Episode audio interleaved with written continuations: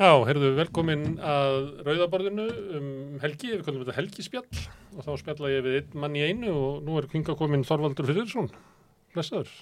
Sæl. Blessaður. Sæl. Þú ert forðlaða fræðingur og fyrirvandi fréttamaður og allt mögulegt en ég ætla að tala við þig núna sem svona kelta áhuga mann og fræðimann um hérna ráðgóttunum að okkur íslendikar eru svona sérstakir og undalegir og ráðgóttan er svo Lausnin er svo að við erum ja, stóru leiti uh, keltar með keltneska menningu þótt að við tölum norranna tungu eða hvað.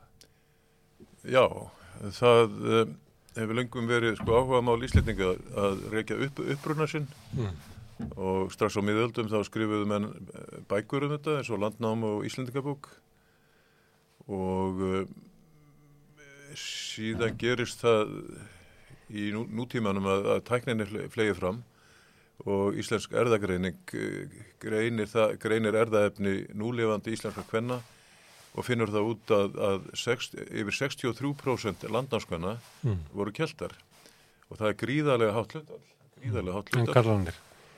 Já, svona 20% en einhvað síður sko hittir hittir mikið og mm og það lítur að hafa skilið þetta miklu miklu meiri í okkar menningu heldur en að menn hafa viljað vera að láta sko. Og fram á okkar daga þá hafa menn leitast við að, að telja sig vera sko afkomundur norskra sker, skerkonunga. Mm. og fundist það mjög flott og það var notað í sjálfstafnsbaróttinni og, og hvaðina mm. og jafnvel sko bækurnar þessar miðaldabækurnar eins og landnáma e, það stendur beinleginns í formálar landnámu.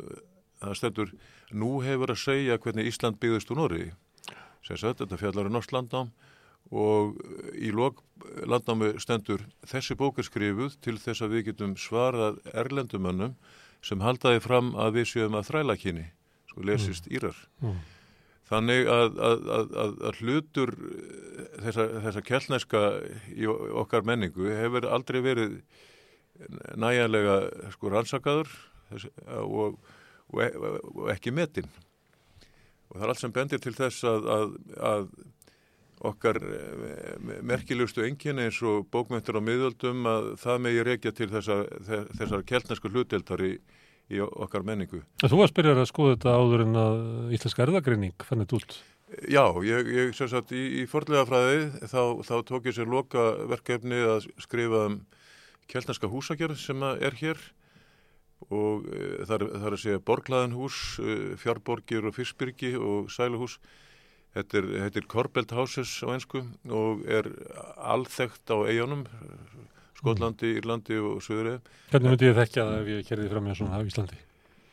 Já, sko, þetta er eins og Ígló, þetta er hlaðið upp í topp, sko, mm. og, og þessi hús eru nánast ekki til í Skandinavíu.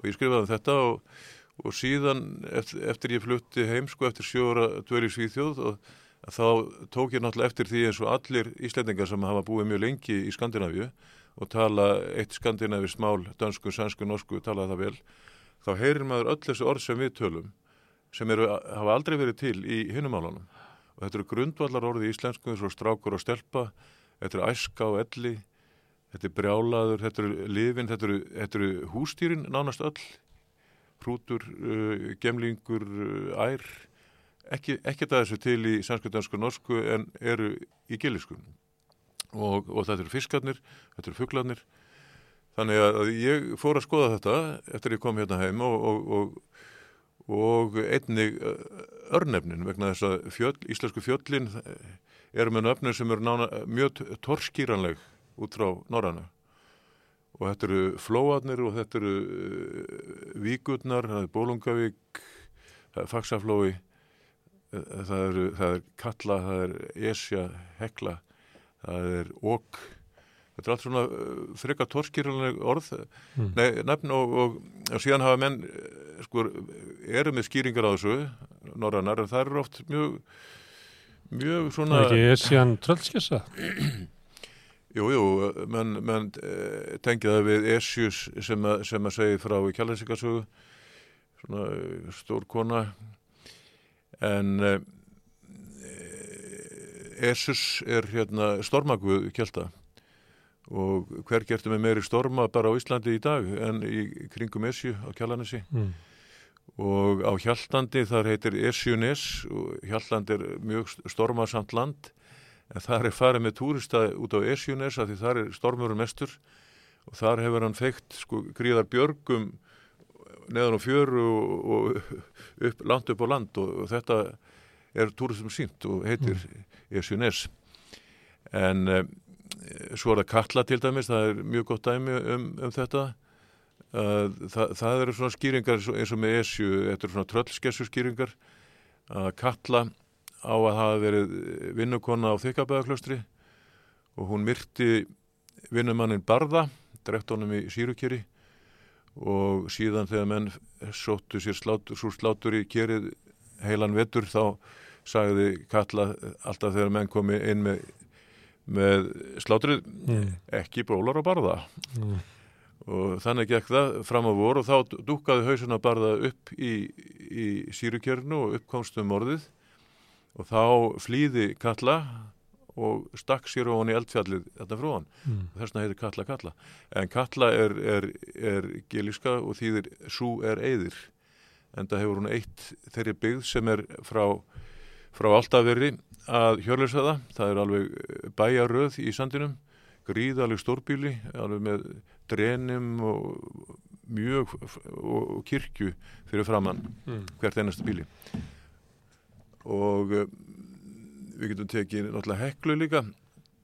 Skýringin á heklu samkvæmt eh, þessu norrannu það er að þegar fjallið er með fjallið er með uh, með snjó eða með skabla í hlýðunum þá sé það eins og kápa mm. og hekla er kápa á norranna en en þetta er sko hættulegast eldfjall Íslands og Íslandsbyggð var alltaf í, í hættu þegar, þegar, þegar hekla gís og gaus og eitthi meðal hans Þjórsóttal 1104 og jábel sko sveitir á Norðurlandi gáttu uh, rústast vegna öskufalls frá, frá heklu og, og þetta því þið kápa þetta hættulega fjall, ægilega fjall það er mjög svona klén skýring finnst mér mm.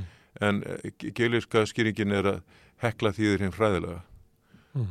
og sem ég geta menn bara valið já, já. Sko. það hljómar augljóst en eh, er það þannig að, að þessi saga er bælt þannig að snemma á Já, miðöldum. í landnámu, það er greinlegt að landnáma er, er og svo viljum við ekki heyra hana þegar þetta er svo augljóst að þú fær til svíþóri sjú ár og þetta bara klingir eiranum að vera næstu því Já og, og, og þá... Hvað eru við svona trega að vilja horfast í hugvita? Er það bara komið svona laung uh, hefð og laung tólkunarsaga að, að þeir sem eiga hana uh, líta þetta bara sem er öskun? Já.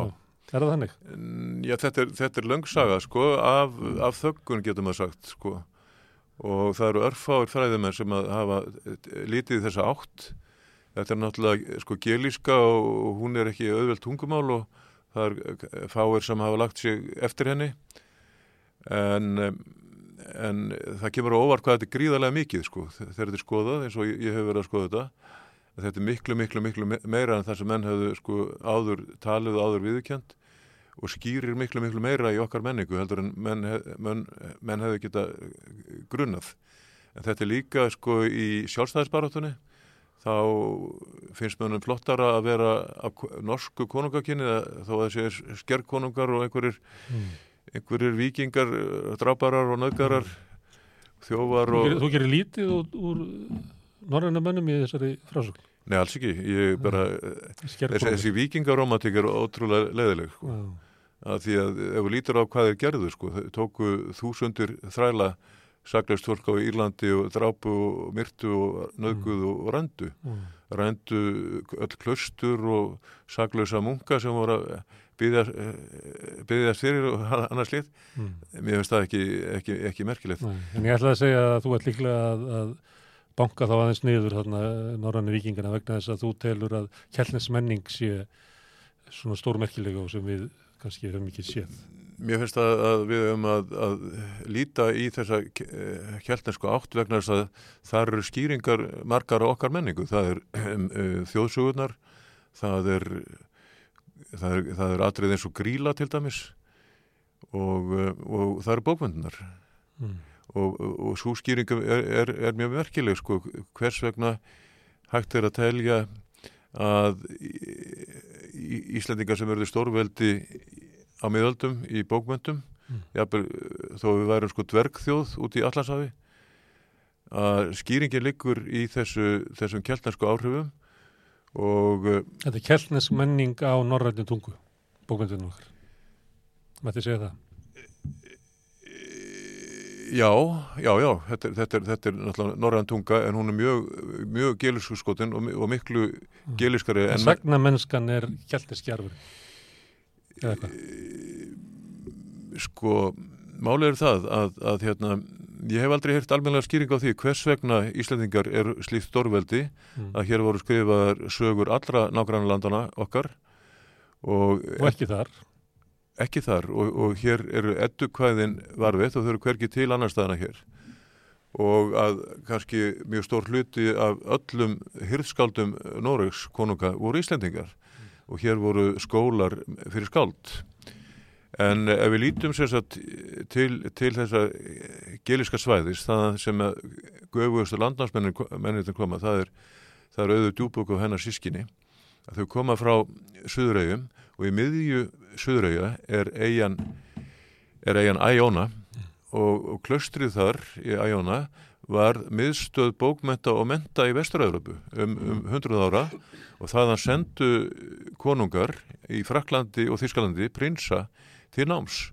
og þegar, þegar barbarar eittu, eittu öllum eh, bókarsafnum í Rómaríki þá varveitir stoltið að grískriðsbyggi og rómurskum kveðskap á Æjóna mm. meðal hans Óvitt sem er höfuskáld Rómæra og, og, og þarna var miðstuð keltneskrar kristni sem er mjög fallegu kristendumur þar sem menn sá sko Guð í sköpunarverkinu og ortu um það ljóð um, og í himninum, í hafinu allt, allt slíkt. Og einar Ólaður Sveinsson hefur snúið nokkrum náttúrljóðum keltneskum yfir á íslensku. Og þessi keltarska kristni, hún, hún var ríkjandi hér sko á, á stórum hluta Íslands á, á Vesturlandi. Fyrir árið þúsund. Fyrir árið þúsund og, og hún er mjög merkileg vegna þess að þeir sáu Guðisköpunarverkinu og ortum það og, og síðan sögður að það veri Guði jafn þóklanlegt að skrifa bók eins og að býða bæn. Og auður djúboka, hún er eina drottningin sem kemur hingað, sonur hennar var konungur yfir stórum hluta Skotlands. Og hún er formóður, hún giftir dætur hans Þorsteinsröðus, svona síns aðra til færiðja og það er göturskekjar komnir, aðal, aðalætt færiðinga og aðra til orknæja og það er orknæjingajarlar komnir. Og síðan koma þessi sískinni og dreifa sér um allt Ísland.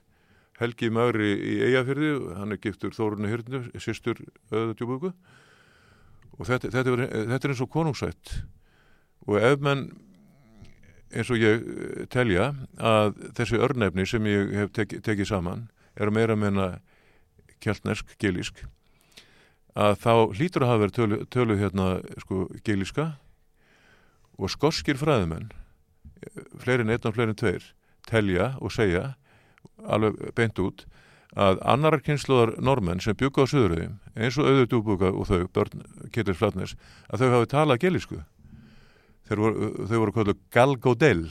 Gal þýðir útlendingur og Godel er nafn Íra á sjálfum sér. Útlendir Írar sem sagt, auðu djúbúka og þaðlið töluðu gilisku og þau koma hérna. Og, og á þeirra svæði e, e, sko breyðafyrði, þar, þar þau með bara flestar Íslandingasögurnar bara mm. gríðalegu öflugar, eirbyggju og lagstælu og, og grænlendingasögurnar. Og allagötu síðan er, eru þar bókmyndir í heðri hafðar. Og alveg fram okkar dag ertu með stórkáldun hann á breðafjöði steittsteinar og, og fleiri mm. en hérna sem sagt að, að ég tel að það hefur verið tölu geliska hér mm. og það er fleira, fleira sem stýður það en líka það að sko, menningin okkar sé að geliska ykkur liti Við erum ekki uh, alveg norren menning, við erum gelísk. Nei, já, við erum náttúrulega, sko, við erum náttúrulega blandþjóð og það, það, mm. það vita menn alveg. Mm. En menn vildur svona gera þennan hlut uh, þessa kellnæska svolítið minni heldur en, heldur en rétt er og það besta í okkar menningu eins, eins og kannski bókmyndunar og, og, og þessi á Írlandi þá, þá stóð barðin skáldið næst konungi að virðingu og það er raun og veru hér líka á Íslandi það er verið þannig, þú kemst ekki til betri aðri metorða á Íslandi en að vera skáld, Nei. þó þú eigir sko hundra jarðir og, Mm. og græðir alla peninga heimsins Fossetisráður að vera að gefa út sakamálarsögum daginn. Já, það, það er gott hjá hann ég er bara óskunnilega Við, hafmyggjum eigum- við eigum uh, Davíð Oddsson og Já, já, Hannes Hafstein og já, já. að Já, já, við eigum og, og skáldin eru sko virt. Og þú getur verið stjórnmálamaður og voru það allavega. þau eru virt en þá vegna þess að sko, og Íslendingar eru með sko ættfræði ættfræði, ættfræði dellu, getur maður sagt að allir á Íslandi þekkja meira og minna ætt, sín, ætt sína og allar ættir á Íslandi eru til dærulega jafn góðar. Nema ef þú hefur skáld innan ættarinnar þá ertu bara virkilega góðum málum. Mm.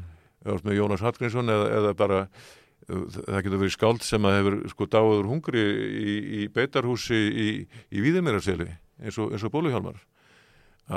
Hann er sko merkilegri sem ættfæðir heldur en einhver feitur prestur sem átti hundra jarðir Herðu, förum til uh, landnáms. Uh, þú vísar á hann í, í hérna landnámu, þar sem að er verið að forða því að það sé álutu við um strælakinn og þú vísar í íslenska erðagreiningu þar sem að konurnar voru miklu frekar, það voru norræni menn sem að sóttu sér keltiskar konur og það voru komið hingað. En síðan talar um konungsættir uh, auðar djúbugu. Hvað, keltandi sem að hinga koma, það er náttúrulega langmestu leiti þrælar. Já, já, en þú hefur uh, þræla eins og Melkorku og, fleiri sem eru uh, Mel, Melkorka Mýrkjartansdóttir hún er dóttir uh, Írsk konungs Já. þannig að Það ég er ekki að gera lítið úr fólkinu með Nei. þessu þrælar heldur bara að þegar þau koma hingað já, já, að þá er þetta undirsett fólk, já, já. Já, og, og, og, og þeir ke- keltar sem hafa komið hérna og verið landnámsmenn, þeir lenda í, strax í, í átökum eða einhvers konar steimpingum við eh, norska landnámsmenn sem koma eh, virðist vera einhvað síðar sko, Mm. Menn, menn eru reknir af löndum sínum, Vi- Vilbrandur nokkur í, skátaðarsýslu, hann er rekin af löndum sínum og síðan er menn keiftir burtu. Það er tveir írski, írskir bræður, annar á, á Sörbæ, uh, Sörbæ á, á hérna, á, í Kvalfyrði Mm. og Og sörbær því við hvað? Sörbæður er írska en, en, en menn hafa Sörbæðunar á Íslandi eru, eru margir. þeir eru margir og, og, og mjög margir eru er stórbíli e, Sörbæri í Eyjafyrði, Sörbæri á Rauðarsandi og Sörbæri á Kjalanissi til dæmis er eitt mesta höfubíli Íslandsko og e, þar bjó Gissur Þorvaldsson þegar hann fór að láta drepa Snorra Sturluson Mm. Fyrirvændi tindapappa sinn en þá byrjum við "Hva- hvað þýðir, þýðir Sörbær og þá segja menn já það þýðir skítur eða mýri. Mm.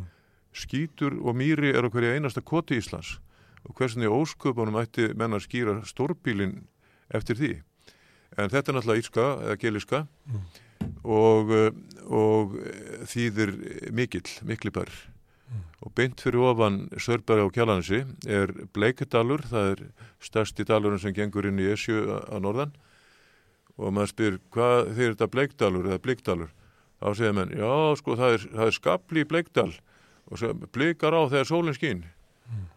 En sko Bleikdalur er upprekstra land, er beitiland eh, stórbílisins Sörbæjar og Brautarháls og það var haft á stöðli frá báðum þessum stórbílum alveg fram á okkar daga og, og Mattias Jokkonsson náði þriðju eiginkonu sína þar í ádalnum sem var svona mjölkustúlka þar. Mm. uh, og bleik þýðir að mjölka á ísku eða gilisku og þegar ég segi gilisku þá er það sko þá er það málið sem talað var í Írlandi, Skotlandi og, og Suðurheim og víðar og á, land, á landnámsöld. Og, og þetta eru svo kallar keltneskmál og bara, bara taka fram að geliska er, er þetta eitt af þessum keltnesku málum sko. Mm. Herðu, en ég tröflaði með uh, sörbærinu, þú varst að tala um að þeirra menn voru kiftir af, af bæjusinum. Já, já og, og, og hérna þeir, þeir bræður eru kiftir af jörðinsinum, góðbílum þarna uh, og eru, eru að koma normenn og kaupa þú upp og, og, og þeir, þeir fara neyri fröngerisrepp sem er svona frekar rýrt land verðismanni og sama með sko Ingólfur Arnarsson, það er mjög sérkennlegt að Ingólfur Arnarsson, normaðurinn þarf að hérna reka burtu uh, Gufu Ketilsson landnarsmann á Seltjarnesi mm. og Gufu Ketilsson er annar kynsluðar Íri hann er svona Ketils Bressasonar landnámsmanns á Akranessin sem er Íri mm. Og Ingólf þarf að reka þennan landnámsmann. Fyrsti maður sem kemur yngar þarf að reka annara kynsluðar Ískan innflytjenda. Já, mm. það bendir til þess að, að, að Gufa hefur nú verið þarna áður, áður en Ingólf kom. Oh. og síðan rekur hann líka burtu eða kaupur hann burtu frá gufuskálum á Reykjanesi það sem er mikið útræðir mjög góður fiskveið, gott fiskveðiplás og þannig eru margar sögur um að, að norrmenninir kaupa upp þessa eða reka burtu þessa kjeltnesku landansvann sem eru hér. Og þeir eru annarkvæmt kristnir eða flestir kjeltnesk kristnir. Og sérstaklega sérilegi borgarfyrði þar eru þar eru mikið átök. Þar eru tveir útlagahópar það eru hellismenn í Surselli og þar eru sem eru þá Íranir sem var, var hérna, flúðu. Það er ekki alveg ljóst en það, það er átök millir þessar hópa. Og annar svona útlagahópur er, er í Gersjólma í Kvalfyrði og síðan í kringum Surselli þá er, er, eru átök og bardagar og þar eru drefnir menn svona sínir hjartanskar landnámsmannar drefnir og þar eru minnst okkur þrjár brennur, bæjarbrennur að góðbændur eru brendir inn í, á heimilu sínum mm. hugsaðlega fyrirmynd að, að njálu mm. en um, og síðan er náttúrulega landnám Grænlands er mjög merkilegt að því að allir þessi landnámsmenn á Grænlandi þeir koma frá þessu kjartarsku svæðum á Íslandi, þeir koma frá Breiðafyrði og Borgafyrði og þegar Danir fóru að rannsaka þessa nor, svo kvöldu norrannumenn sem eru bara Íslendingar það voru bara Ísl, Íslendingar sem fluttu til Grænlands. Ja, þegar, þegar Danið fara að rannsaka Íslendingarna um 1930 mm. í gröfunum þá finna þeir sko eh, klæðið þeir eru heil og allt þetta sko en síðan finna þeir eh, sko um 50-60 kjallnarska krossa í gröfunum. Og þá setja þeir fram einhverja kenningu um að það veri sérstök tengsl þessar kjellnesku svæða á Breitlandsegjum og Grænlands mm. vegna sem þekkt ekki þessi kjellnesk kristnu áhrif sem eru hér á Vesturlandi. Og á Grænlandi hefur aldrei fundist eitt, eitt einasta heiði kuml og sem dæmi um, og þannig þeir hafa alltaf verið kristnir sko og kjellnesk kristnir greinilega. Og Danir hafa nú nýlega þeir týmdi ekki að leifa íslenskri erðagreiningu að, að gera svona DNA rannsókn á þessum leifum Íslandingana mm. heldur vildu gera það sjálfur og nú hafa þeir byrjað að byrta niðurstöður og nýlega þá byrtist í danskum blöðunum eh, stór fyrirsagnir engir vikingar og Grænlandi bara kjaldar mm, Þannig að það voru Írar sem að fundu Ameríku e, Við getum tekið landslagsnetto mm. sem er, sem er bærin á Nýfjöndalandi mm. sem græðum var upp eini merkilegi grípunum sem þar fannst eða eini almeili er, er kjaldneskur ringbrjóðn mm. þannig að það er þessi þetta getur þetta, en, þetta er menn sem upphæðilega koma hérna frá, frá vestur hluta Íslands og ef þú lítur á, á útbreyslu heiðina kumla á Íslandi þá eru þau á sko miði Norðurlandi miði Suðurlandi og fljóstalhjörði, það eru aðalsvæðin á öllu vesturlandi bara frá nýsta punkti og að þeim síðsta þá eru sko bara uh, rétt rúmlega tögur uh, kumla og mm. mörg þeirra mjög léleg þannig og, hva, hvar, og þetta eru bó, aðal bókmæntarsvæðin og menningarsvæði Íslands breyðafjör og annað og hvar liggja hennir döðu? Þeir liggja í bara kristnum græfröðum mm. En það að við vitum svona lítið um þessa kjellnarsku kristni hér er að katholska kirkjan hataðist við, við þessa grein kristinnar. Mm. Og þeir telja það já, og þeir telja það nánast heiðindóm og þeir sendu Páinn sendu einu svona alveg flokk af einhverjum prestum til Breitlands til þess að endur kristna keltnæs kristna menn. Mm. og það er alveg, það eru starrendir sem tilur á upplýsingar um það á bók og, og, og síðan hérna eh, hef, vantilega hefur verið sko mikil, mikil anduð þarna á milli. Við getum bara tekið dæmi af anduð sko lúterstrúamanna gafkvært katholskum mm. alveg fram á okkar daga þá voru, það var talað hér um katholska villur trú á Íslandi. Katholskar uh, pápiskar bækur að annars líkt og sumum greinum katholika var bannað að koma hengað Mm. Eins og, eins og munkareglan sem að nonni var í Mm.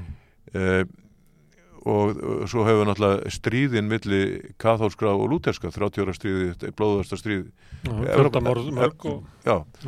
og þannig við getum ímynduð okkur bara hvernig afstæða katholsku kirkjunar var gagvart þessari keltansku kirkju því að keltanska kirkjan á, á, á sínu tíma hún sótti frá enni Æjóna sem var miðstöð og inn í Þískaland og, og Frakland og, og, og, og niður eftir eh, sko Ítalíu, niður Pótalinn þau voru búin að stofna 60 keltnars klöstur þar írsk keltnars klöstur á hvaða tímanbíl eru þið þá?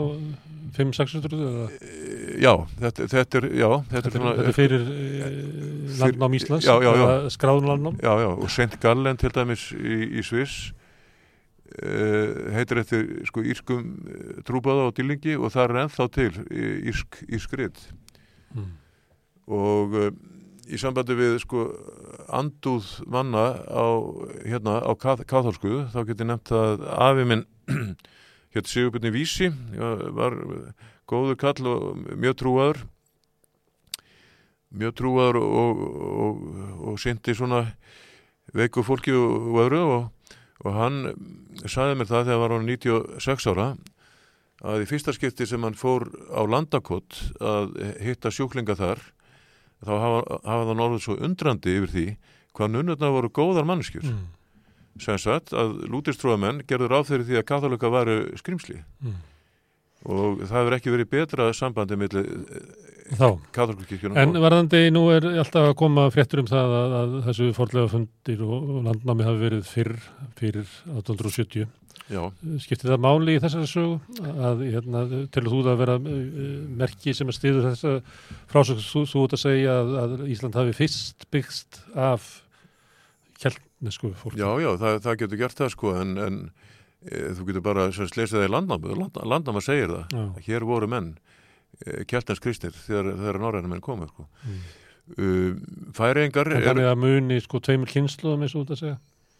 Skiptir það máli fyrir okkur að finna uh, já, já, minjar um það? já, já, það skiptir máli en það er ekki aðalatriði sko færingar eru svona keltnes krist eða svona þeir hafa verið þar líka vegna þess að eigarnar og örnefnin eins og Mykinis og margar eigarnar eru með keltnesku nöfnum Mm.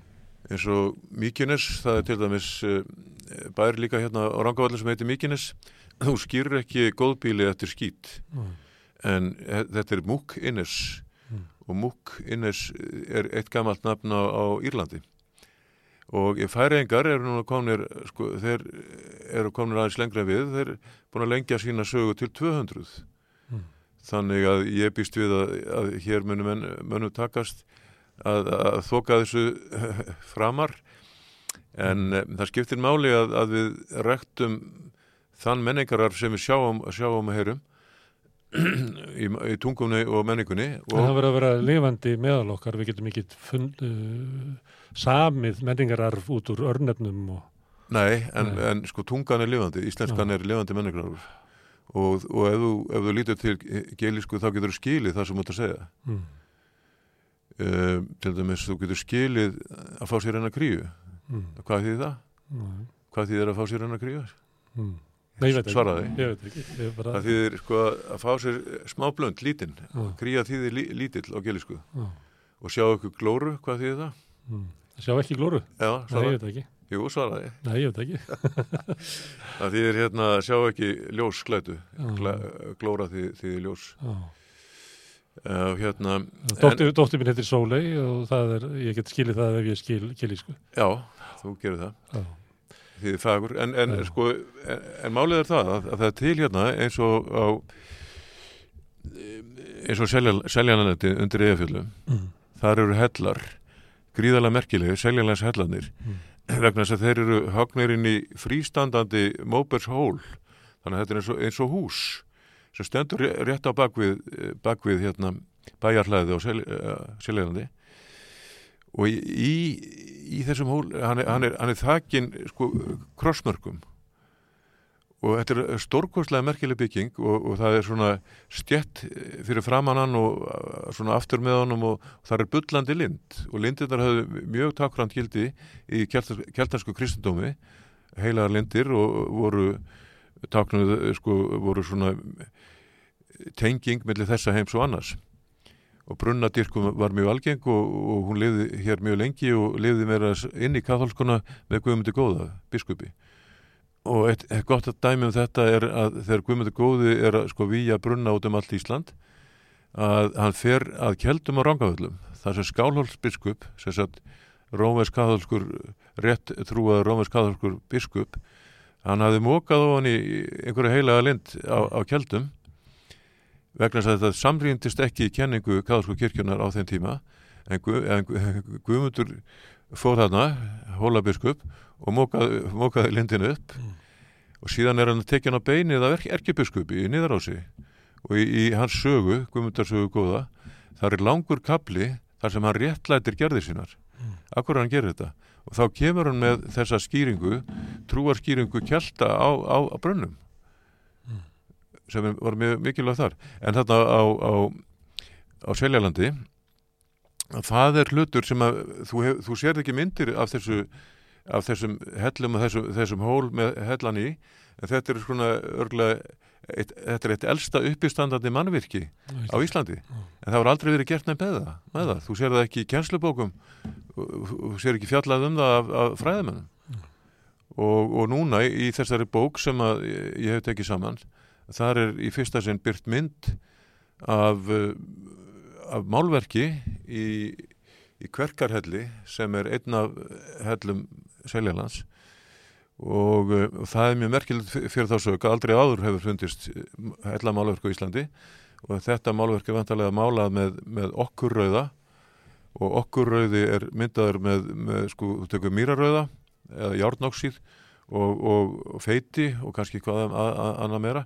Mm. og þá ertu komið með mjög góðan lit eins, eins og við nota bara í steinaldarhellum og, og slíkt og það er búið að sagt, taka síni e, til greiningar, DNA greiningar úr, úr þessum lit. Og vantarlega þegar niðurstæðlegu fyrir, vonandi mjög fljóðlega að þá gæti það gefið mikla vísbendingu. Um aldur, hvernig þetta var gert? Aldur og, og hérna og, þennan, og kverkarhellir í kverkarhelli sko rannsakaði kanadískur forlegafræðingur Kristján Aronsson hann er núna próf, professor í Wales forlegafræði og mjög, mjög virtur maður og hann eh, gerði rannsókn þarna og, og taldi sig geta séð að þessi kverkarhellir, hann var högvinn út eh, fyrir uh, 871 mm. sem sagt hann er eldri heldur en 871 sem sagt eldri heldur en Norra Allandá mm. og þetta ætti að sæta gríðilegum tíðundum en að vissu hafa einhverjir gaggrínt þessa aldarsgrenningu en einhvað síður það, þá er þarna kanadísku forlegafræðingur að vinna mjög merkilega hluti. Mm.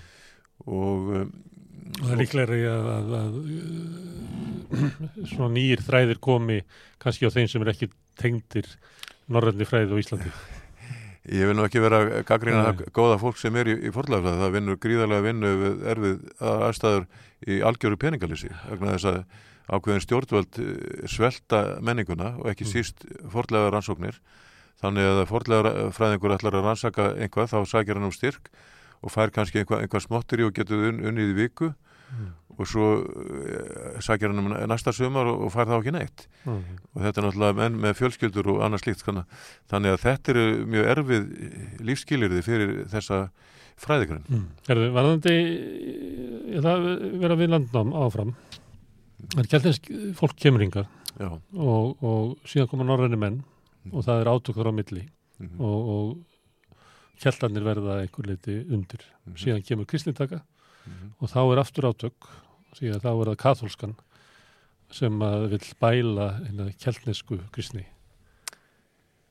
Já, sko, katholskan er, er, er, er þá kannski búin að því og það getur verið... Það sé fyrir þúsund sem átökinn sem að geti verið þá eitthvað svona trúarbræða átök á Íslandi Já. er það fyrir árið þúsund landnám Grænlands gæti verið sko afleiðing af, af átökum, slíkum átökum að fólk sé að flýja. Já, og gæti verið sko e- eins og bara fyrstu evrósku landnæmarnar í, í bandaríkjónum er í Amríku, eru, eru svona sértrúarsafnöður sem flýja, flýja frá E- Evrópu.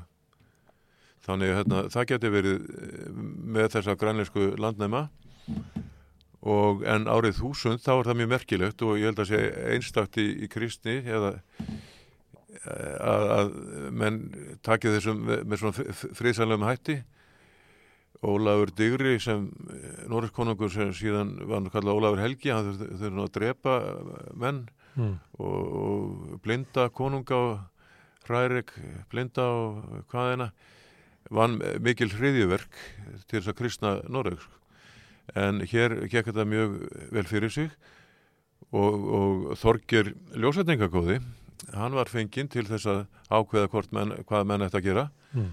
og það sem hann gerir hann uh, leggst undir feld og fellur í einhvers konar trans eða fær vitrun um það að allir skulle vera kristnir. Þetta sem hann gerir, þetta er algjörlega kjallnefskur síður. Æsti drúitin gerði þetta þegar hann átti að ákveða hver er þið, hver þið yfirkonungur Írlands. Mm. Það var slátrað hvítu nauti og æsti drúitin tók uh, nautshúðuna og leti holdrósan snúa út og þar fjall hann í trans.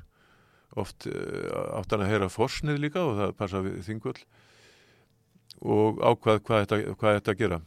Og þetta heitir tarp, tarpfjers þessi, þessi atöfn og þannig að það, það er bara kjellnesk atöfn á þingvöldum en um, þannig að, að og ef þú ert líka með sko allt vesturland kristið sko breiðafjörða og borgafjörða miklu leiti þá getur það líka skýrt hvað þetta gekk vel fyrir sig Mm. menn, menn, voru ekki ókunnur kristindómið þannig Mm. En það er ekki bæling nema að sko keltneska fólkið sé einhver leiti undirsett. Hvernig virkaði það? Er þetta, voru, er þetta stopnið til þrælarnir sem að síðar urðu að vinnu fólki? Er þetta tvær þjóðir í landinu? Önnur yfir þjóð sem að lætu semja um sig höfðingjasöguna til þessum eigina og hins vegar ertu komið með fólk sem er að mörguleiti annara menningar eða er þetta runnið saman bara um 900? E, nei, ég held ekki en, en sko, normenn eru er alltaf þrælahaldarar Mm. og þrælar gera upplæst, þú sér það hérna uh, Hjörleifur þessi merkis fórspróður Ingolfs uh, normennir, sko hann var þrælahaldari og, Mm. og, og sótti þræla til Írlands sem Mm. gerðu uppreist og drápan og Já. Ingolf fór svo og dráp þá Og við ættum að hafa minnismerki í Hjörlusöfða um þa- þá alltíðu upprist. Já, og vestmanniðum, þar sem þeir eru drefnir Nei, að svo í þess að þeir drápu Hjörluf. Já, já, og, og það eru fleiri, fleiri það er dæmi um uppreisni þræla sko og, og, hérna germyndur Heljaskinn menn er að hæla honum fyrir það að hann átti svo mörg bú en hann var sko gríðarlega stórtakur þrælahaldari og ekki virti, virðist hann hafa verið örugunum sjálfa sig heldur hann ferðaðist milli búa sinna með 80 manns með herlið Mm. þannig að, að Þetta er hersötu, er hersötu fólk. Já, en þú sér það á sko landnámu, getur sér það á bara umræðinu um sko Íra að, og þræla að, að þeir hafa ekki verið sko hátt settir í augum uh, sko normana og, um, og menn, menn reyna að berjast til landa. Til dæmis uh, Sæmundur í Sæmundarhlíð sko, það kom normaður hann eftir að Sæmundur, hann var frá Suðurheim og ætlaði sko að berjast við þennan gamla kall sko að drepa hann til þess að egnast han- hans lönd. Og það tíðku, var tíðkast sumstæðar en síðan blandast þetta ná- náttúrulega mjög fljótt sko auðvitað eða verðt með stóran hluta af þjóðinni konur írskar og kjöltneskar Mm. þannig að, að og þetta vikingabröld sko að ég get ekki séð að, að, að, þessi norsku landansmenn hafi verið sérstaklega einhverju vikingar en, en, en, en þeir sagt eru vanir því að, að þrælka þessa þjóð Íra, Íra og hafa örglega gert það líka hérna á Íslandi. Og sér til dæmis Melkorku, Mýr Kjartansdóttur að hún er ambátt en, en konustóttir og uh, vinum minn hétt fa, fadir Sján hann var íri og hann var, hann var prestur nunnarnæð Stikisólmi og hann kunni íslensku hann kunni gilisku og hann hafði gríðarlega gaman að njálu og kunni hann utanbókar. Og fann mikið af alls konar tilvittunum í njálu sem voru bara beint úr ískum bókum og hann var að tala um, tala um melkorku og sagði melkorka já. Það er engin stúlka á Írlandi sem heitir melkorka, það heita allar korka. Mm. en mel er forskeiti og þýðir hinn hárlösa og melkorka hefur örgla verið krúnurökuð í nýðulæðingarskinni eins og gert var við þræla viðar. Og, uh, og þetta er mjög merkilegt vegna þess að þetta forskeiti mel. Og svo, svo þá saðan sko við skulum, við skulum taka hérna uh, melgresi. Melgresi er eina korttegundin sem vex, vex vilt á Íslandi. Og melgresi er eina korttegundin sem ekki er með, ekki er með byðfár, sem sagt, þið hárlösa korn. Og þannig getur við hugsaðum sko mel, mel að melur er þið græslösa land. En e, sko meðferð á sko við höfum ekki við höfum ekki sko miklar upplýsingar um um þetta þjóðarbrott þetta yrka á kjálnarska nema það er svona smá, smá sögur hér og þar um átök. Mm. átök út af kýrinni Brynju í Brynjudal það er átök þar. Og átök út af landi það er mikið mjög viða Grímur sem nam, nam Grímsnes var normaður og hann var dreppin út af landadeilu mm. Þannig að það hefur verið átök í einhver hundruð ár á milli. Já, já, en síðan ertu náttúrulega með kjeltanska höfðingja sko, sem, sem standa sig eins og, og, og breysasinur og agrænsi og standast ágang sko. Og, og þetta er höfðingjætt sko, auður djúbuga og Helgi Magri og Helgi Magri, menn segja sko, já, Helgi Magri sko, hann var, hann var horaður, hann var, hann var sveltur þegar hann var lítill, þess vegna var hann horaður, Helgi Magri, en Magri þýðir sko mikli á mm. írsku, gilisku Mavr. Og hérna og Helgi Magri hann nefnur sko all, allan eigafjörð sem er sko risastórt svæði bara eins og stórt konusríki á Írlandi eða Nóri og það sem er að er hann hann býr hann býr þarna sérsagt á, á Kristnesi og beint fyrir ofan Kristnes er, er, er fjalli Kjelling sem er, sem er hæsta fjall eigafjallar og Kjelling er mjög merkilegt að það er mjög merkilegt að skýrir svona glæsilegt fjall svo óverðilegu nafni, Kjellingu og í Svarðardal ertu með aðra Kjellingu sem skiptir dölum þar gríðalega fallegur píramidi. Og við ertu með þessi Kjellingaörnefni í, í landslæðinu en Kjelling var uh, sko vetrargiðja Kjelta og uh, Jón að, að, Aðalsteinsson Lagnir, vinu minn, hann var uppalinn þarna á, á Kristnesi. Og hann saði mér já það týrkast á Kristnesi að, að hérna að brenna síðasta rakið á haustin þegar, þegar heiskap var lokið.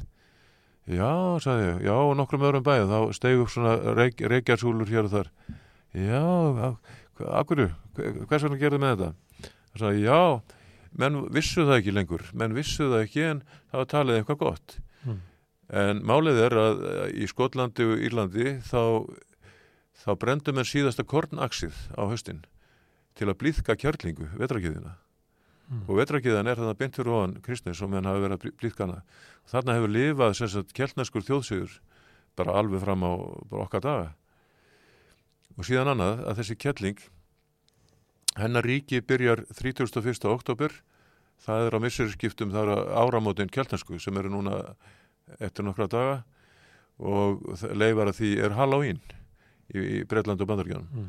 af því þá opnaðist heimur lifandi mann á döðra, döðra menn gáttu farið inn í álfóla og, og þá áttu Írar að greiða að fornu greiða skatt og skatt, uh, þjóð sem hétt Formóri var einhver svona kúuna þjóð og þeir kúuðu sagt, Írana til þess að borga eh, helmingin af uppskerunni og korn og, og, og mjölk og börn. Þannig að á komudegi kærlingar þá voru, var börnum fórnað þarna að fórnu. Og enginn hefur getað skýrta út hvers vegna Íslendingar einir þjóða er með tvö skrýmsli sem koma á jólanum og geta börn. Mm. gríla eh, þessi og, og, og, og hérna. Og jólakötturinn.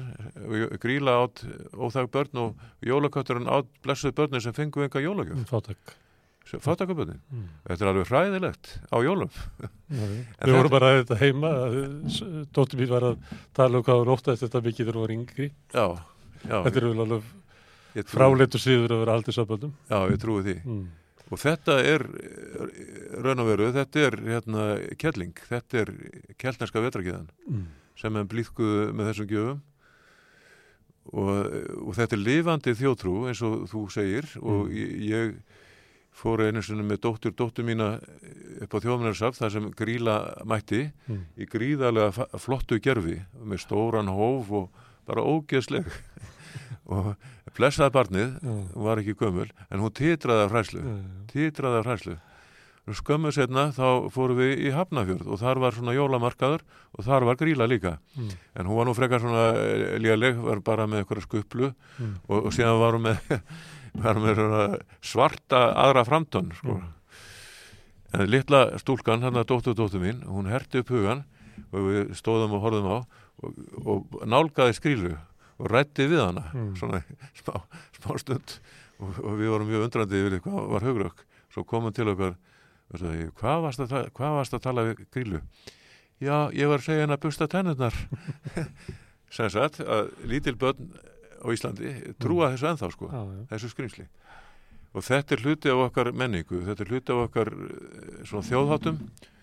Og þjóðháttunir eru sko náttúrulega í, jólas, í jólasveinum nöfnin á þeim eins og bjúknakrækjur og, og gáttaþegur gátt, gátt þýðir vindur á, á gelisku, bjúa er geliska og þýðir bólga En síðan er eitt mjög merkilegt í þessu sambandi, það er hérna sterkar íslenskar konur, íslenska, allir telja nú að íslenskar konur eru mjög öflugar Já. og hver og eitt kall á, á sína stjórnstöð. Og það var þegar ég var að, var að vinna útarpinu þá hérna, þá var ég spurðið getur unnið um helgina. Ég, segi, ég bara veit það ekki, ég þarf að spurja stjórnstöð, Mm. sem stegi einhverjuna. Og þá sagði, áttu stjórnstöð? Já, já, ég segi, áttu ekki stjórnstöð? Jú, jú, auðvitað er allir meira að minna góða stjórnstöð. En uh, keltnarskar konur voru nokkuð öflugar sem sagt í, að fornu og í Írlandi eins og Medeb, hún var drottning og hún skipti um kalla eins og skýtu og sokka Mm. Og eins og kallar ka- gera sko, eins og konunga gera, gætu gert það sem síndust, síndist og hafði styrjaldir og, og, og síðan var bútikka, hún, hún er hún var drottning keltnesk og hún uh, var gerði uppreist gegn Rómverjum og það var eina uppreistin sem gerði var gegn þeim á Breitlandsegjum sem var næst, hefnaðist næstu því sko. Mm. þannig að þetta eru sko st- stór merkilegar konur í, sem eru keltneskar og síðan erðust uh, kastalar á Írlandi erðust í kvenleik Þannig ef að eh, það er eins og stundum er sagt að, að jafnrétti hafi náðu lengra á Íslandi heldur en annar staðar, að þá er það keltnesk árif. það getur verið og, og, og málega það og lítur á sögunar að það eru eins og njálu það eru konurnar sem eru gerandur Mm. uh, Hallgerur Langbrók er, er gerandi í, í njálu Mm. Og hún er engin smá kempa hún heitir hann fyrst að sko langbrók sko og brók getur þýtt uh, ströymur en getur líka þýtt ímislegt annað og hún hérna hún lætur drepa þrjá eigin með sína Mm. drepa þrjá eigin með sína og er hann að vera drepur hún uh, Gunnar á hlýðan þetta hennan mikla Mm. gúmi, gúmitassan Mm. íslenskra sagna Mm. Með aðgerðalýsi. Með, með því að neita honum um hárlokk Mm. sem sagt hún drepur fjóra, fjóra eigimenn og, og kemst upp með það og lifir í bara veljstingum í góðu lífi sem nunna hér í, hér í lauganesi Mm. í ellinni og við tökum hérna Guðrun Ósýðsdóttir í lagstælu hvað gerur hún? Jú, hún, hún á fjóra eigimenn áður en hún uh, lætur uh, bolla að drepa kjartan manni sem hún elskaði Mm. Þetta er mjög kjallnest, sterkar konur, en náttúrulega þau eru ekki endilega að vera morðingjar en eru, eru töffarar sko Já. og það er alltaf, ég held að það, það sé, það að við eigum svona mikið að öflugum konum, merkilugum, sjálfstæðum, það sé svolítið kjallnest, já. Mm. Hérna, eitt í þessu, það er að horfa á þetta sem svona ráðgóttu, að leysa ráðgóttuna um Íslandsuguna. En svo er þetta líka sem að tengist sjálfsmynd þjóðar. Og sjálfsmynd okkar sem hluta þessari þjóð. Mhm. Um, ég veit ekki hvað ég var búin að segja þetta en hérna, eftir hruna þá var ég að ferða svona í kringum Ísland og fór ekki Noreg og til Skotlands og Írlands og, og fleira Mhm. og ég hef svona trú á því að maður bara driftar að þá er maður með gæstsauga og veist hérna, merkileg svona fyrstu upplöðu sem að maður fær þegar maður kemur á nýja staði því að svo þarf maður eitthvað hangað í 20 ár til þess að fá einhvern annan skilling þannig að, að ég var með alla ángana úti við að svona reyna að skinja umhverfið. Og mér fannst það þegar ég kom til Skotlands og ekki síður til Írlands að svolítið sem ég verið komin heim. Mér fannst ég skilja þessu margt ég fannst ég skilja svona söguna og margt Uh, og ég velti fyrir mér á þessu tíma er ekki alltaf þröngt fyrir okkur að vera bara með Íslandsuguna við þetta Ísland þarna er ekki bara, ef ekki að stækka svona, uh, sagt, svona það svæði og þær þjóðir og það menningu sem við teljum okkur vera sprottin af jú. þú stuður þetta? Og málið er það sko að fræðimenn, norræni fræðimenn, eh, lengi vel, þeir reistu svona múr í kringum Norðurlönd og það tala um Mm. sko norræna góðafræði. Þetta er náttúrulega bara sam-evrósk góðafræði. Mm. Og ef þú skoðar, skoðar Þór til dæmis að Þór er sagður komið frá Tróju. Trója er í, er í, er í e, Tyrkla, Tyrklandi. Tyrklandi og í Tyrklandi er, er, Ty- Tyrkja, nei, er, kurdaguðin Trór sem er með hamar og, og bara er Þór þannig að, að menn hafa ekki sko, sett þetta í samhengi en þetta er alveg rétt hjá þér og, og okkar saga nær miklu lengra aftur og til dæmis menn eru mjög bundnir við sko vikingaöldina þegar normenn gáttu farið að sigla á skipum og smíðu flott vikingaskip og en það var nú verkfræðilegt og teknilegt uh, stórafreg Já, já, ég, ég er ekki að ég er ekki að það er að gera lítur öllu því sem norm Nei, ég, er alls ekki ég er alls ekki að gera lítið úr normunum og hérna, ef við lítur á sko bronsöldina, bronsöldin er stórkostleg. Hvað var þar menningu og, og, og bara gripi og, og á bronsöld þá og kjallneski bronsöld þá, þá finnast flottustu gripinir í Evrópa finnast í Danmörku. Gundustrúfs kjötillin, það er sólvagnin, það eru lúðrar og það eru þessi þessi, þessi hjálmar með hort sem all, allir er að ruggla yfir á vikinga sko. Þeir eru bronsaldar þannig að, að súsaga er mjög merkileg og, og við þurfum að te- tengjast henni sem við Mm. ger, gerum vantarlega en þetta með að, að normenn og og keltar við erum náttúrulega sko blandþjóð og, og eiginleikar vonandi forfeðrana bæði frá Noregi og, og frá Breitlandsæðum byrtast vonandi einhver staðar í Íslendingum. En ég oft hu- hugsaði þannig að, að við höfum sko verkkunnáttuna og verkgleðina frá Skandinavum. Mm. Svíjar og normenn eru sko verkfræðingar og, og framkvæmdamenn og en fra- okkar innra líf er kjallnest Já, meðan að sko Írar setja á barnum sko og, og fara með ljóð og syngja, segja sögur. Segja sögur og eru, eh, bara bestu skáld Breitlands eru, eru Írar. Mm. Og hafa sam uh, tekið kristnina og fært hana inn í svona trú á uh, svona hálfgerða náttúrutrú. Já, og, og, og, og, hérna sagt skáld, skáldin og, skáldskapurinn sem er hér, sem er, sem er ríkjandi hér og það besta í íslenska menning og við viljum halda mikið upp á það gæti bent til þessi kjallneska en svo aftur þessi gríðarlega framkvæmda gleði hér á Íslandi að menn, menn byggja stórhísi, byggja gríðarblokkir eðilegja miðbæð Reykjavíku með einhverjum stórkoslegum hörmulegum eh, byggingum og byggja hér virkjanir endalöst án þess að þurfa þess. Mm. það er mjög skandinavist það, það er svona verkfræði kunnáta og það er svona þessi eh, ó- óstjórnlega framkvæmdar árátta. En ekki vildu við sækja mannin hann á barinn, tryggvelda til þess að stýra þessu. Nei, en ég vil draga úr því að, að sko menn framkvæmi án þess að það séu framfærir Mm. það þurfi ekki að vera framfæri þó þú reysir einhver gríðarleg steipu musteri einhver staðar Mm. en, eh, en ljóðið kannski hins drikkvelda skálds mun lifa Mm. ef það er gott, ef það er vel orrt En þetta með að, að, að við séum eh, svona til þessu svæði, að, að hefðu við gott að því að horfa til Skotlands og Írlands sem svona frend, frendur okkar og það allt saman.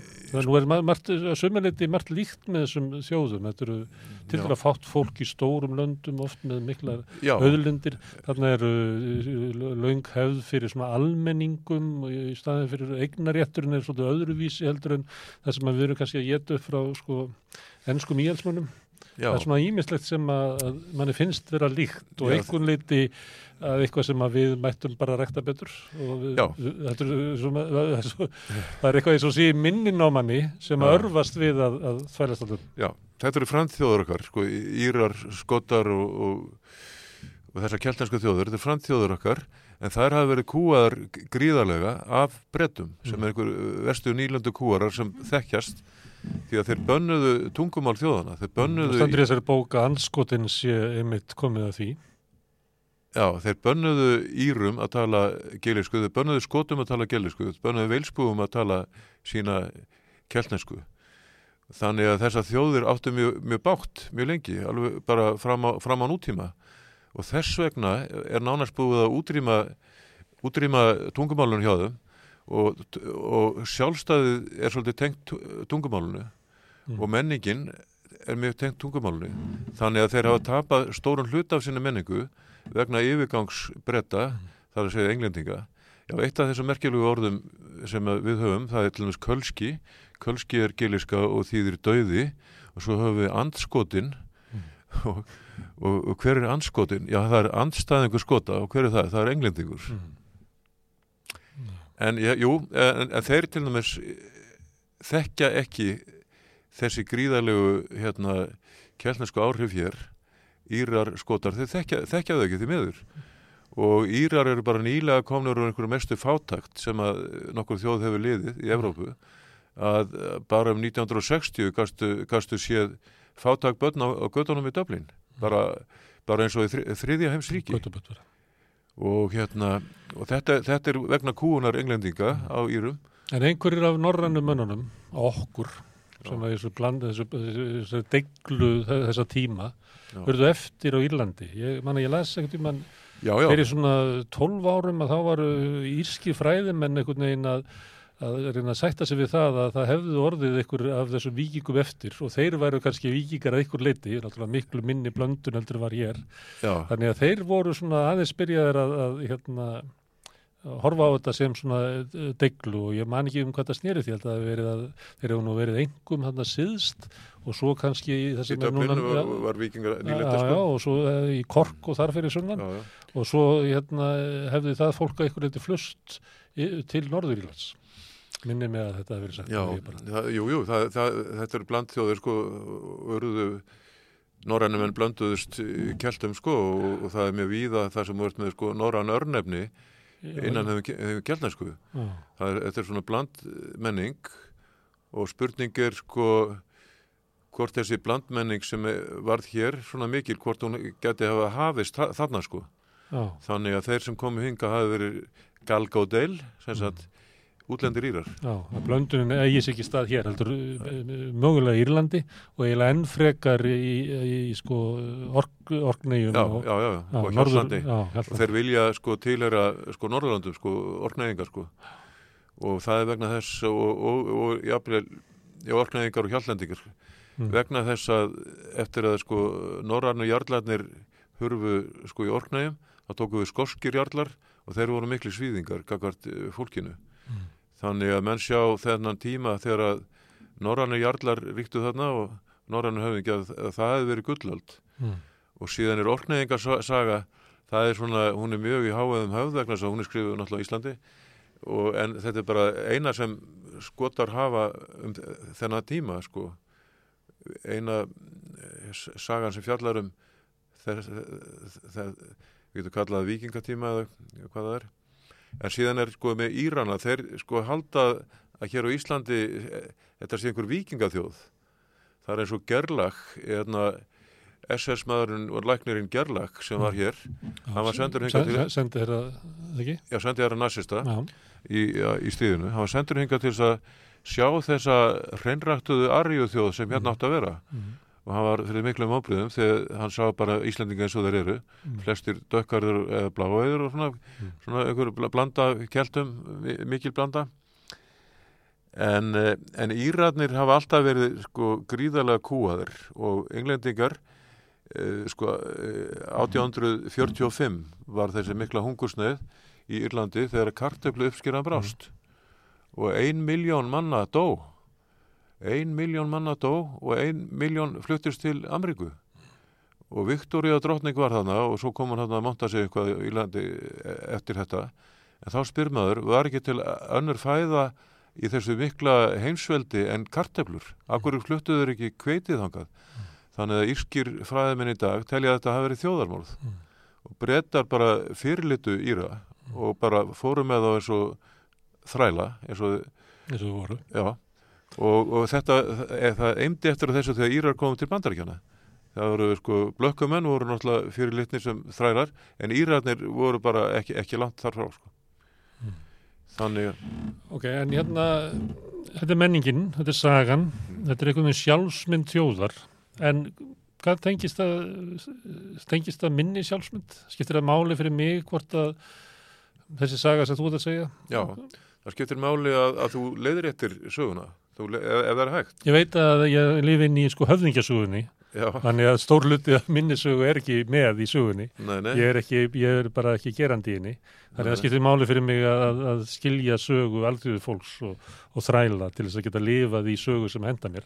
já, En hvað, hvað máli skiptir það hvort að ég sé af hérna, keltnesku, sé 40% keltneskur? Nei, sko, það skiptir máli, það skiptir því máli, sko, að geta skilið þína eigin menningu, til dæmis það sem hún kennir börnunum þínum og það sem við lærðum sem börn, eins og til þess svona uh, romsur, eins og krakkar segja, sko, eins og úlend, úlend, doff, kikki, Mm. lani, koff, koffi, lani, byggi, bani, úlend, úlend, doff. Mm. Uh, Notaðu þetta þegar þú varst já. ég ge- gerði það líka Þetta er að velja í lið bara? og já, en veistu hvað þetta þýðir? Nei. Þetta er keltneska Mm. Og þetta, þetta, þetta þýðir hérna stjettirnar uh, eins og bí, bí, bíum, bíum, bambaló bambaló og dillidilló veistu hvað bambaló þýr? Nei. það er keltenska Ó, uh, bamba er svín og ló ég hef byrjað að fatta allt sem ég skil ekki hvað er að það er keltneska. og ló getur þýtt sko ungi. Þannig að þetta er gríslingur það er verið að vagga grísling í svefn Mm. Og hérna, já, það er bara mjög margt fallegt í þessari sko geilisku kjeltensku menningu sem við eigum að kannski virða og gaman að þekkja það svolítið. Mm. Þú vísaður áðan til svona eins og svona framkvæmda gleði og að vera að byggja í óþurft Já, og það er hérna að því að vera að vitna til Skotlands og Írlands að það maður skynir það mjög fljóðlega með kemur að það er svona einhver svona kumpanaskapur sem að er þar já, sem að er uh, mjög einkennandi fyrir kelta og sumuleiti má finna í bandaríkjónum þar sem að keltar hafa farið. Já, það er svona uh, já svona uh, hvað er það, fólk er ekki að, að eins og það er bandaríska menningu svona vilja ekki klæða sig of mikið upp já, og vera að taka öllum eins og þeir eru með svona kumpanaskap ég upplifa að þetta sé svona keltneskur armur en uh, mættu við horfa á það? Við getum hugsalega sko rækta það með okkur. Þess að við höfum kannski bælt þetta með, með svona eh, dönskum þurrkumtu hætti já.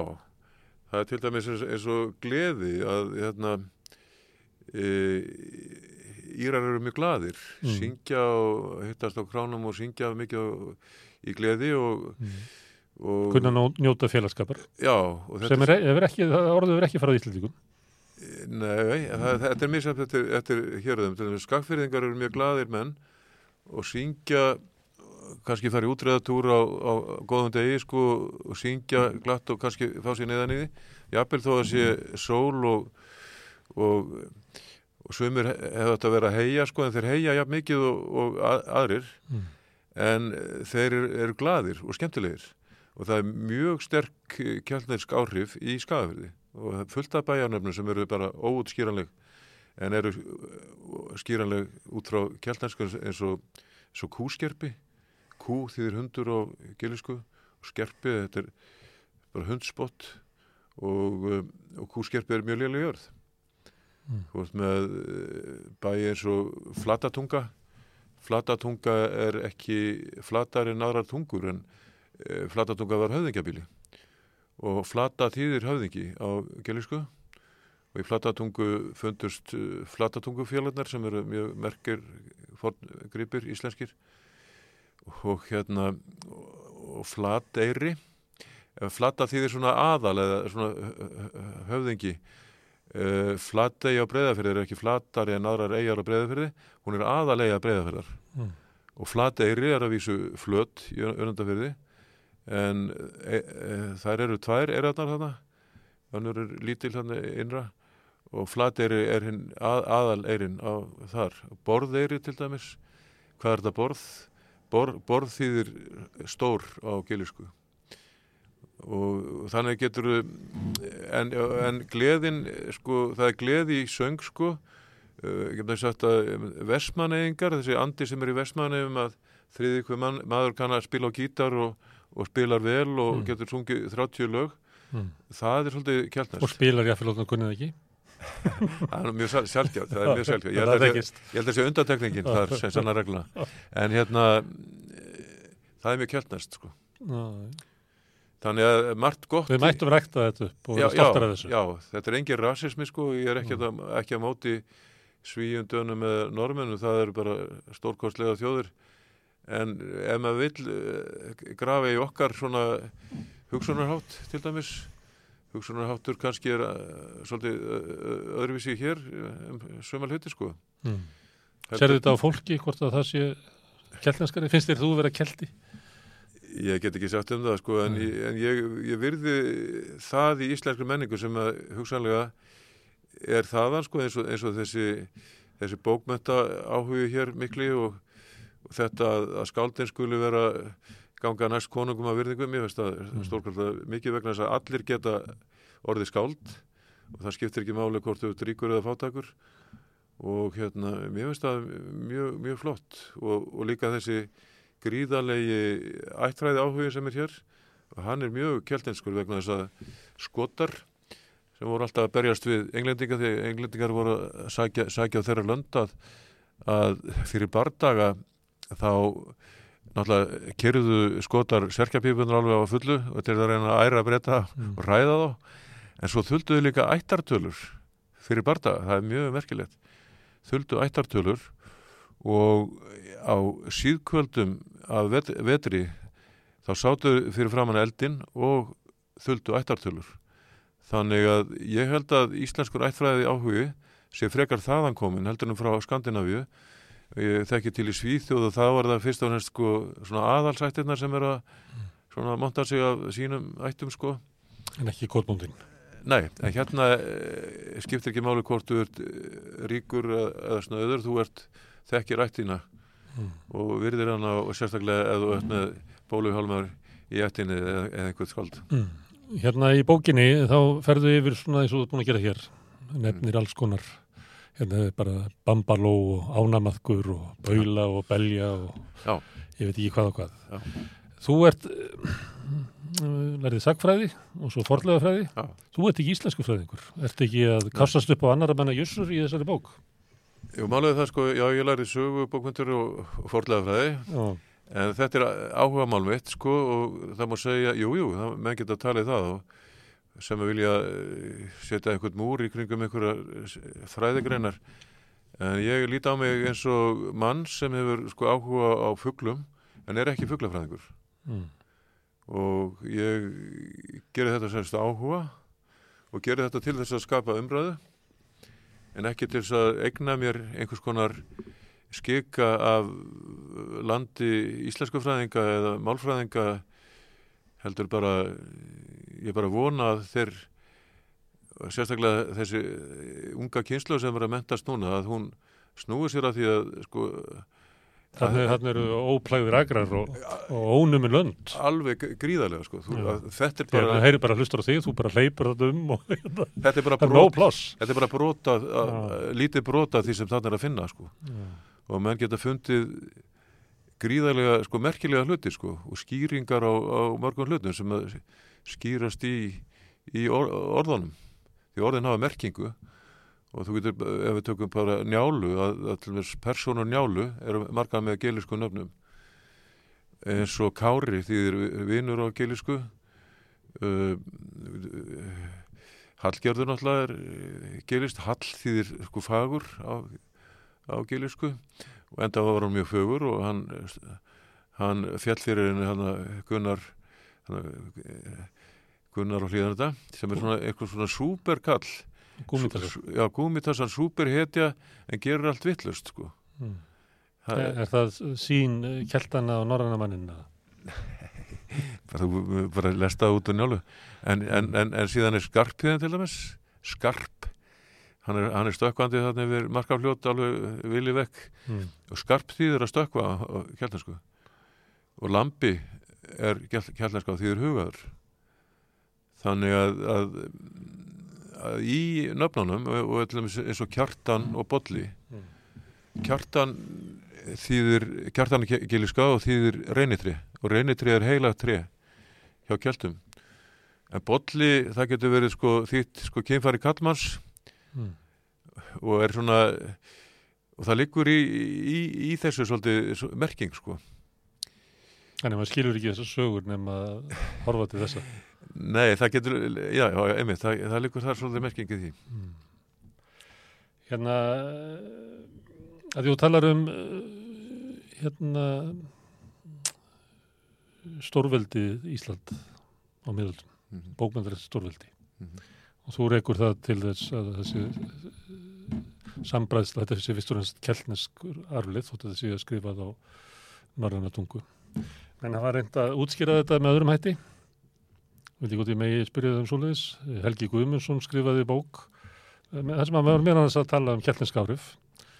Það sem Já, já. hann uh, útskýrði þetta sem ríkidæmi sem að byggði á Grænlandsverslun og það sem þú varst að tala um að, að Grænland og, og hefði byggst frá breyðafyrði já, að þá var ástæðan svo að, að auðurinn kom frá Grænlandi til breyðafyrðar og það var ástæðan fyrir því að menn skrifa allar þessar bækur. já, já, það, það er ágætið skenning sko en ég veit ekki hvort hún er réttar en Svipaði hjá sko. Leskinn. Rókstúrsfræðin hafa nú orðið mannum deilumál núna sko að mann rífast um það hver, hver hver hafi stólið frá hverjum Já. uh, upplýsingum um en Búið að blandast inn í sælabankin inn í það mál? Já, en það er alveg rétt að, að sko, en merkilegast með rostungarnar er, er hér var rostungarstofn á Íslandi sko. Mm. og Hilmar Malkvist sá merki maður sem er yfir maður náttúrugripasapsins núna að hann er mikill sérfæðingur í, í, í þessum, þessum, þessum, þessum rostungarstofnum sem hér var sko. Mm. Það sem ég á við um, er nóg að hér komi sko keltnesk, ar, keltnesk menning og keltneskur arfur. Þarf ekki eitthvað meira til til þess að Íslandíkar hafi ráði við þetta? Að eiga 300 kalva í túnni til þess að geta fláða og til þess að skrifa þá? Jú, jú, en sko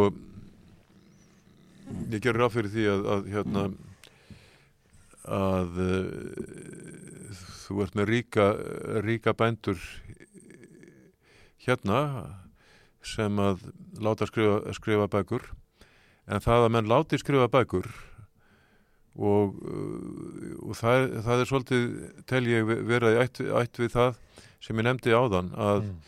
að þetta er eh, það eru trúabröð þarna kjallnars kristni sem raunverulega leggur mikla áherslu á bókagerð.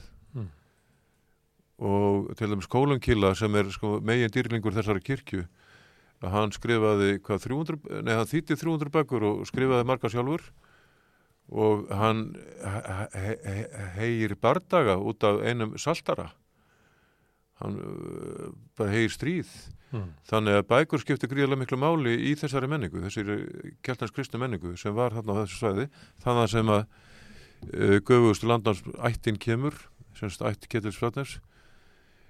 Og en hins vegar náttúrulega verðar að jú, en eh, sko munkar og, og, og aðrir sko hefðu náttúrulega ekki mikla peninga en þeir, þeir, þeir skrifuðu bækur og þeir, og þeir, þeir tóku afrið af bókum og voru með bækur og það var þeirra sko mestu dýrgripir um, og síðan þess, þessi mikla bókagerð sem hér er hún er kannski þar sem þú ert með, ég veit ekki hvað marga kálva í eitt handrit þá þarf það náttúrulega að vera mjög auðugur sko höfðingi til þess að fá, gera slíka bækur, flatjaða bók og mm. annað slikt og með rostungana ég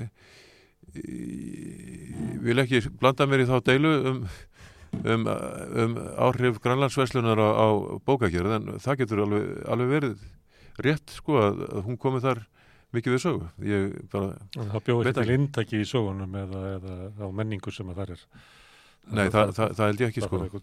en, en Grænland tengist sko vissulega þessar miklu bókagjörð og þú ert með þú ert með ettukvæði sem kallar grænlensk og þannig að þetta er samiðileg sko bókamenning sem verðist vera hér og, og hjá þeim sem fluttur til Grænlands en það voru það breyðferðingar og, og, og porkverðingar mm.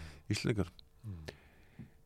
en um, já, en, en þetta er náttúrulega eh, byggið mikið á kenningum en, en, en einhvað síður þá, þá geta menn skoða þess að tungumálið menn geta skoða tungumálið og, og þú ef þú skoða til dæmis fjallins og okk sem þýðir, þýðir ekkert sko beinleirins að þá færðu merkingu um leið og, lítur í það geliska það, það þýðir snjóra gelisku mm. og lítur til bólungavíkur og e, skýringarnar á bólungavík bólvíkingar rifust um það hvort að ætti að skrifa með erri eða ekki erri sem skiptir engum máli en bólungavík er stærsta e, á landmestapláss á, á vestjörðum og kenningin er svo sem er í gildi núna að þar hafa reikið einhverja bólunga stór drömba á sandin í Bólangvík en þar hefur aldrei rekið spýtu, aldrei mm. nokkuð tíman og hversin í óskupan á þetta skýra þessa stóru merkilugu vík